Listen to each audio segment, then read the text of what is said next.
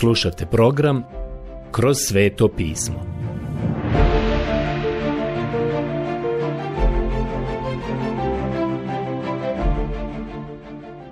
Knjiga Prva Samuelova. Odlomak Prva Samuelova od poglavlja 9 do poglavlja 10. Prijatelj, danas želim započeti u devetom poglavlju Prve Samuelove. I sada dolazimo do ovog drugog glavnog odjeljka. U prvom dijelu naglasak je bio na Samuelu, a sada je naglasak prešao na Šaula. Šaul je bio sotonin čovjek, što možemo vidjeti u prvoj Samuelovoj od 9. do 15. poglavlja. Deveto poglavlje. Kralj Šaul. Danas, kada ulazimo u deveto poglavlje, dolazimo do ovog čovjeka Šaula. On je jedan od onih čudnih pojedinaca koje srećete u riječi Božjoj. Teško ih je protumačiti. Vrlo iskreno govorim, teško ih je u potpunosti razumjeti. Bileam je bio čudan pojedinac, zar ne? Čovjek koji je kao da je prelazio iz svjetla u tamu i iz tame u svjetlo. E ovdje sada dolazimo do Šaula. Čudan pojedinac, teško ga je protumačiti. Zatim imate istu stvar i sa Judom i Kariotskim. A šta je sa demom? Apostol Pavle je rekao za njega, Dema me ostavi iz ljubavi prema sadašnjem svijetu.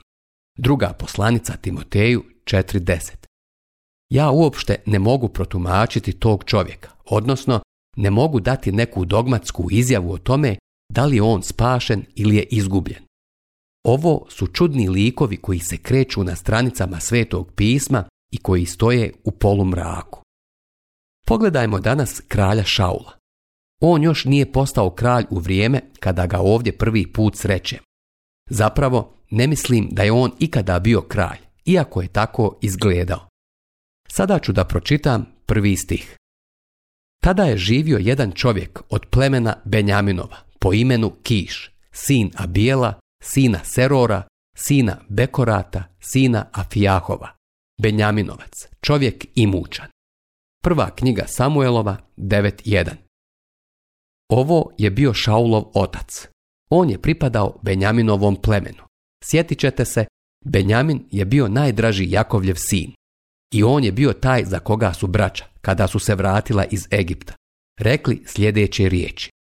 Ne možemo ponovo ići tamo u Egipat, a da ne povedemo Benjamina sa sobom, jer je čovjek koji je tamo veoma važan rekao da mu drugačije ne dolazimo. Sjetit ćete se da je u to vrijeme stari Jakov rekao ne možete uzeti tog dječaka i odvesti ga u Egipat, jer ako to učinite i nešto mu se tamo dogodi, poslaćete ovu sjedu u glavu u grob. Ova braća su ga štitila, a on je definitivno bio očev favorit. Sjećate se kada se Benjamin rodio. Njegova majka je tada umrla, ali je rekla dok je umirala. Dajte mu ime Benomi, on je sin moje tuge. Ali stari Jakov ga je pogledao i rekao, ne, sada će mi trebati neko na koga ću se osloniti. Vidjevši tu bebu, ja mislim da je izgledao kao njegova majka. I onda je stari Jakov rekao, ne, zvaćemo ga Benjamin. On će biti sin moje desne ruke. Moći ću se osloniti na njega. Pogledajte knjigu Postanka 35. poglavlje. I učinio je tako, Nazvao ga je tako i oslanjao se na njega. Činilo se da je ovo Benjaminovo pleme bilo omiljeno. Ali vidjet ćete da je ovo Benjaminovo pleme kasnije bilo u sjeni judinog plemena kada su se nastanili u obećanoj zemlji. No vidimo ovdje da prvi kralj dolazi iz Benjaminovog plemena i njegovo je ime bilo Šaul. Upoznajmo se sada sa njim. Nastavit ću da čitam. On je imao sina po imenu Šaula, mlada i lijepa. Nijedan između sinova Izraelovih nije bio ljepši od njega. Nadvisivao je sve druge od ramena naviše. Prva knjiga Samuelova 9.2 Ovaj mladić Šaul je bio zgodan. Fizički je izgledao kao kralj, ali to uopšte nije bio. Imao je samo spoljašnju privlačnost. Bio je samo glumac koji je mogao odigrati ulogu, ali u srcu nikada nije bio kralj. Ali kao što vidite, ljudi nisu birali svoga kralja prema karakteru, birali su ga prema vanjskom izgledu. To je razlog zašto ja mislim da je naša nacija trenutno u najopasnijoj poziciji u kojoj se jedna nacija može naći. Mislim da je televizija najopasniji neprijatelj koga danas imamo. Čovjek koji će na kraju kontrolisati ovu zemlju je čovjek koji se može pojaviti na TV-u i dobro izgledati. Zašto? Jer i mi danas biramo predsjednika prema izgledu i načinu govora, a ne po srcu. Eh, kad bismo samo mogli imati rengen umjesto TV-a i kada bismo mogli vidjeti pravi karakter čovjeka. A to je ono što svakoga dovodi u opasnost. I tako je narod u Izraelu u to vrijeme želio kralja. Šaul je bio visok, bio je zgodan, lijepo je izgledao. U to vrijeme nije bilo ljepšeg muškarca u zemlji. Bio je kao televizijska ili filmska zvijezda i kažem vam, izgledao je baš tako. Također, on bi mogao i odigrati neku ulogu, bar tako mislim, ali nije bio ispravan u svome srcu. Pročitat sada treći stih. I ovdje nam je rečeno sljedeće. Kada je jednom kišu, Šaulovu otu, bilo nestalo magarica, reče kiš svojemu sinu Šaulu. Uzmi sa sobom jednog momka i zaputi se da tražiš magarice. Znam da gospod ima smisla za humor. Jednostavno, ne možete, a da to ne primijetite, jer se pokazuje i otkriva na mnogo mjesta u Božoj riječi. Ovdje vidimo jednu veoma zanimljivu stvar a to je da su djeca Izraelova tražila kralja i ono što se sada događa je sljedeće. Šaul je u potrazi za magaricama svoga oca, a magarice Izraelove su tražile kralja. I sigurno će se ove magarice okupiti. I jesu. Obratite sada pažnju na sljedeće. Ja mislim da se gospod morao nasmiješiti na ovakvu stvar koja se događala. To je pokazatelj kakav je ljudski rod. Molim vas, zapazite sada sljedeće. Šaul sada ide kroz svoje pleme. Traži magarice. Pita ljude gdje su. Pročitat ću sada pet istih. Neću čitati svaki istih, već ću samo izdvojiti i pročitati poneki. Kada dođoše u zemlju Suf, reče Šaul momku koji je bio s njim. Hajdemo se vratiti, inače će se moj otac brinuti za nas umjesto za magarice. Prva knjiga Samuelova 9.5. Drugim riječima, bili su dugo u potrazi za magaricama. Nisu ih mogli naći i na kraju je Šaul rekao Vratimo se kući jer ćemo se i mi izgubiti i onda će i nas tražiti. On mu odvrati. Ovdje u ovom gradu živi čovjek Božiji. On je veoma ugledan. Što god kaže, sigurno se dogodi. Hajdemo odmah tamo. Možda će nas uputiti u ono zbog čega smo na putu. Šaul odgovori momku. Što ćemo ako pođemo tamo ponijeti tomu čovjeku? Nestalo nam je kruha u torbama i nemamo dara da ga dademo čovjeku Božijemu. Šta imamo drugo? A momak opet odvrati Šaulu. Imam evo još četvrt šekela srebra. To ću dati čovjeku Božijemu da nas uputi u našu stvar. Ovdje je mala bilješka koju je duh Boži stavio ovdje i koja je prilično korisna. Prije bi se reklo u Izraelu kada bi se išlo pitati Boga. Hajdemo k vidovnjaku. Jer koji se sada zovu proroci. U staro su se vrijeme zvali vidovnjaci. Prva knjiga Samuelova 9, do 9.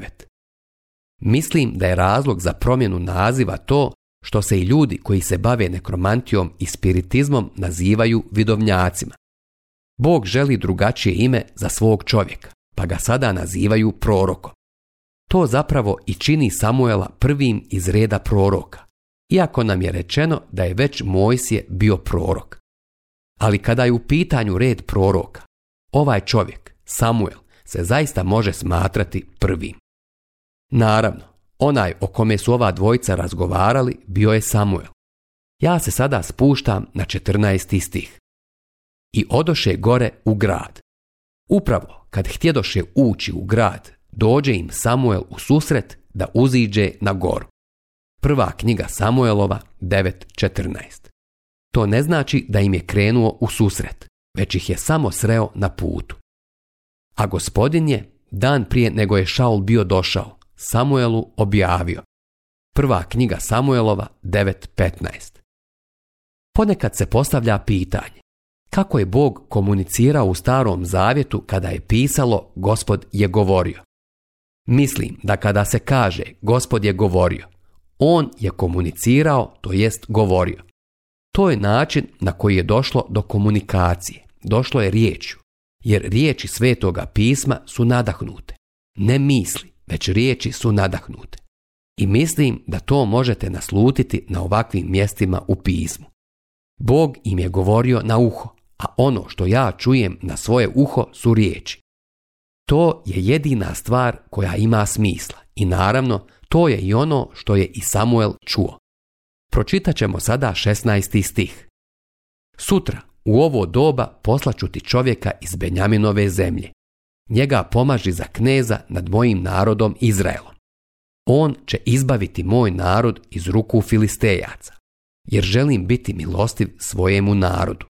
Njegov vapaj za pomoć došao je do mene. Prva knjiga Samuelova 9.16 Bog mnogo puta odgovara na naše molitve i zahtjeve, iako to zapravo nije uvijek najbolja stvar za nas ali to se dešava zato što mi nastavljamo vapiti gospodu. On tada uslišava kao što je učinio za svoj narod Izrael. Uslišio je njihovu molbu kada su htjeli mesa, ali je poslao i mršavost u njihove duše.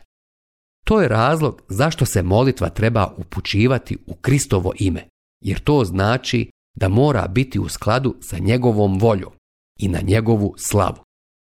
Svi zahtjevi i molbe bi trebali biti koncipirani na takav način. Pročitat ću sada 17. stih. Kad Samuel ugleda Šaula, objavi mu gospodin. To je čovjek za koga ti rekoh. On će vladati mojim narodom. Prva knjiga Samuelova 9.17. Bog je sada ispunio njihov zahtjev. Ovo je taj čovjek a usput da kaže da je taj čovjek impresionirao čak i Samuela. Saznaćete da je Samuel jako cijenio Šaula. Žalio je zbog toga što Šaul nije uspio. Dozvolite mi da nastavim čitati. I Šaul pristupi Samuelu na vratima i upita. Kaži mi, molim te, gdje je vidovnjakova kuća, to jest proroka? Samuel odgovori Šaulu, ja sam vidovnjak. Hajde sa mnom na goru. Danas ćete sa mnom jesti. Sutra rano otpustit ću te. Tada ću te uputiti u sve što ti je na srcu. Za magarice koje su ti nestale prije tri dana ne brini se. One su nađene. Komu će u ostalom pripasti sve što traži Izrael? Zar ne tebi i cijeloj tvojoj kući? Prva knjiga Samuelova 9, 18 do 20. Kao što vidite, Šaul zapravo nije bio Božiji izbor. Definitivno ne. Bio je to izbor naroda. Kada se Šaul kretao među ljudima, izgledao je poput kralja, jer je bio visok i lijep. Kada su tražili kralja, koga im je Bog sada i dao, ljudi su tada govorili, evo ovo je taj koga želimo. On je naš čovjek. On je taj za koga želimo da bude kralj. Molim vas, pažljivo poslušajte ovo što ću sada pročitati u 21. stihu. Šaul odvrati. Ja sam samo Benjaminovac, iz najmanjega plemena Izraelova. I moja je obitelj najmanja između svih obitelji Benjaminova plemena. Što mi tako govoriš? Prva knjiga Samuelova 9.21 Zvuči skromno. Zvuči kao Gideon. Sjećate se da je Gideon praktično rekao ovu istu stvar anđelu gospodnjem. Rekao je, ja pripadam najmanjem plemenu. Moja porodica je najmanja u plemenu. A ja sam najmanja osoba u porodici. Ne možete dobiti nešto manje od mene. A Gideon je otvoreno i iskreno govorio istinu. U početku je bio nasmrt prestrašen i bio je kukavica. Ali Šaul nije imao razloga biti takav čovjek. U to vrijeme se Izraelci nisu borili ni sa kim. Šaul je bio u potrazi za dugouhim magaricama i već ih je bio pronašao. Njegova misija je bila ispunjena. Poenta je u tome da nije bilo razloga koji bi ga potaknuo. Ja lično mislim da ćemo vrlo brzo vidjeti da je ovo definitivno bila lažna poniznost. Mislim da se Šaul baš osjećao kao da je on taj koji bi mogao biti kralj. Čitamo sada dalje a Samuel uze Šaula i njegova momka. Odvede ih u dvoranu i posjedne ih u pročelje, među uzvanike, kojih je bilo oko 30 ljudi. Prva knjiga Samuelova 9.22 Kao što vidite, očigledno su vođe bile okupljene, jedna manja skupina njih.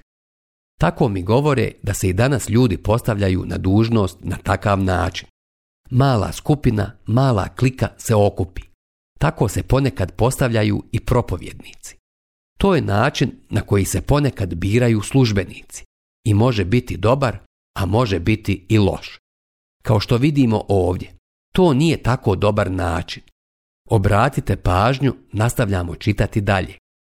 Samuel tada reče kuharu, donesi komad što ti ga dadoh, a rekoh ti da ga staviš na stranu. Prva knjiga Samuelova 9.23 Ovdje imamo tu formalnost koju su obavili. I rečeno nam je da je Šaul tog dana jeo sa Samuelom. Pročitat ću sada 25. stih. Kad su sišli s gore u grad, razgovarao je još sa Šaulom na krovu. Održali su sastanak. Ustadoše rano, kad je svanulo, zovnu Samuel Šaula na krovu. Ustani, pratit ću te. Tada ustade Šaul i obojica, on i Samuel, iziđoše. Kad je na kraj grada, reče Samuel Šaulu, pusti da momak ide daleko pred nama. I momak ode naprijed. A ti stani malo, imam ti javiti riječ Božju. Prva knjiga Samuelova 9, 25 do 27. Deseto poglavlje. Šaul je pomazan za kralja. Dakle, Ovdje u desetom poglavlju imamo Šaulovo pomazanje. Ja ću početi čitati od prvog stiha. Samuel uze uljanicu, izlimu ulje na glavu, poljubi ga i reče Ovim te pomaza gospodin za kneza nad svojim vlasništvom. Prva knjiga Samuelova 10.1 Šaul je sada pomazan za kralja. Idemo dalje. Pratit ćemo i vidjeti kako će se stvari razvijati. Pročitat ću sada drugi stih. Kad sada odeš od mene, naći ćeš u Selsahu kod groba Rahelina, na Benjaminovoj međi, dva čovjeka koji će ti reći. Magarice što si ih išao tražiti, nađene su.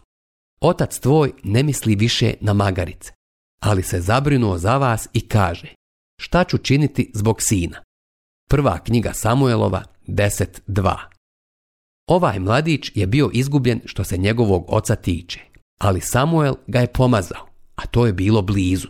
Sve se to dogodilo u blizini Rahelinog groba, koji je bio u Betlehemu, na teritoriji Benjaminovog plemena. To je veoma zanimljivo. Molim vas obratite svoju pažnju na ono što se dogodilo. Mi sada dolazimo do petog stiha. Vidimo da se Šaul sada vraća kući ja ću da pročitam sada peti i šesti stih. Kad onda stigneš u Gibeu Božju, gdje je filistejska straža, tamo ćeš na ulasku u grad sresti četu proroka. Oni dolaze iz gore. Pred njima se razliježu harfe, bubnjevi, frule i citare. Oni su sami u zanosu.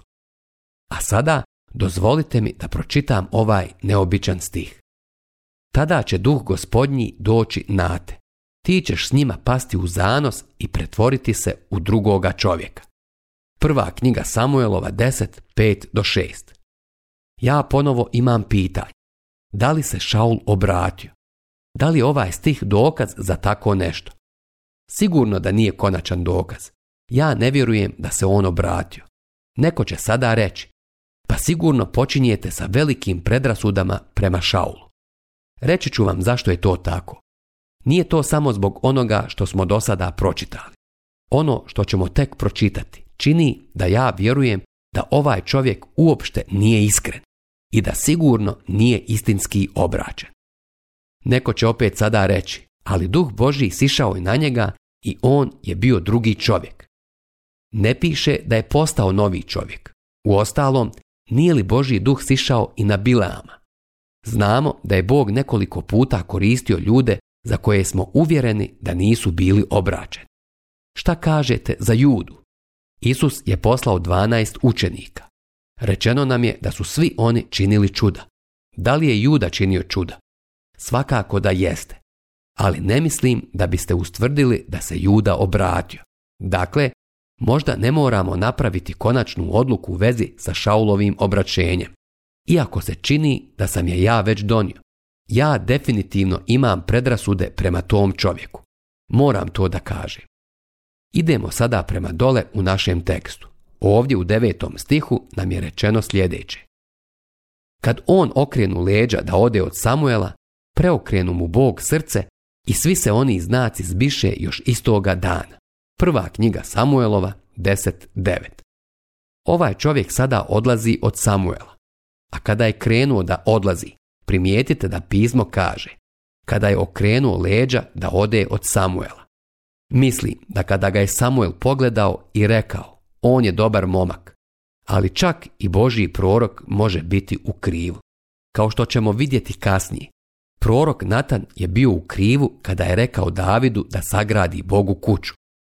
Bog je tada morao intervenisati i rekao Natanu da se vrati i koriguje ono što je prethodno rekao. David se čak nije ni spremao sagraditi kuću Bogu. A ovdje imamo Samuela koji je gledao ovog čovjeka Šaula i mislio da je on podoban za kralja. Ali kada bi Samuel okrenuo leđa, Šaul bi mogao zaigrati u bilo kojem profesionalnom futbalskom timu. Bio je velik, krupan, zgodan momak, ali definitivno nije bio kralj. Dakle, Ovdje nam je rečeno da su se još istog dana ispunile sve one stvari koje je rekao kada je počeo prorokovati. Čitamo u 11. stihu. Je li Šaul među prorocima? Kao što vidite, on je ovdje i Bog mu definitivno daje priliku. Bog mu nikada ništa nije zatajio. Sada idemo dalje. Ispustit ćemo se na 16. stih i ja ću čitati sve do 19. stiha. Šaul odvrati svojem stricu. Kazao nam je da su magarice nađene. Što mu je Samuel rekao o kraljevskoj časti, ne mu. Šaul je o tome šutio. Jednoga dana, kada je Samuel bio sazvao narod gospodinu u mispu, reče on sinovima Izraelovi: Ovako veli gospodin, Bog Izraelov. Ja izvedoh Izraela iz Egipta i izbavih vas iz ruku Egipćana i svih kraljevstava koja su vas tlačila. A vi sada odbacujete svog Boga, koji vas je izbavljao od svih nevolja i tjeskoba. Prva knjiga Samuelova 10, 16 do 19. Kada su Izraelci zatražili kralja i uzeli Šaula, to je ujedno značilo i da su okrenuli leđa Bogu. To je ono što ovdje moramo zapaziti. To je veoma jasno ovdje. Prihvatanje Šaula za kralja bilo je odbacivanje Boga. Sada se želim spustiti čak i malo dalje u našem tekstu ovdje i pročitat ću sada 22. stih. je zato još jednom gospodina, je li on uopće došao ovamo? Gospodin odgovori, jest, sakrio se iza prtljage. Kada je Samuel namjeravao izvesti Šaula pred narod da ga predstavi, taj Šaul, taj veliki momak. On je tada bio poput male bebe, poput malog djeteta koje trči i sakriva se. I oni su ga morali pronaći da bi ga mogli izvesti pred narod. Opet kaže, ovo je dokaz lažne skromnosti. Ulje pomazanja je bilo izliveno na njega. I ako mu se već ukazala prilika da bude kralj i da služi Bogu, onda je trebao da nastupi otvoreno i ponaša se kao kralj. Kada su ga pronašli i izveli pred sav narod, tada se prvi put prolomio uzvik Bože čuvaj kralja. Čitamo sada 24. stih. Tad stane narod klicati i povika. Živio kralj. Prva knjiga Samuelova 10.24. Bog je također spasio i ljude. Pročitat ćemo 25. stih. Samuel kaza narodu prava kraljevska. Napisa ih u knjigu i stavi je pred gospodinom. Potom Šaul raspusti sav narod, svakoga svojoj kući. Prva knjiga Samuelova 10.25 Vjerujemo da je na temelju ovoga Samuel napisao prvi dio prve knjige Samuelove. Danas ćemo morati da se zaustavimo ovdje ali nastavit ćemo sljedeći put naše proučavanje u 11. poglavlju i nastavit ćemo sa pričom o Šaulu. Vjerujem da ćemo moći potvrditi naše sumnje o ovom čovjeku. Do sljedećeg puta, ljubljeni moji, neka vas Bog obilno blagoslovi.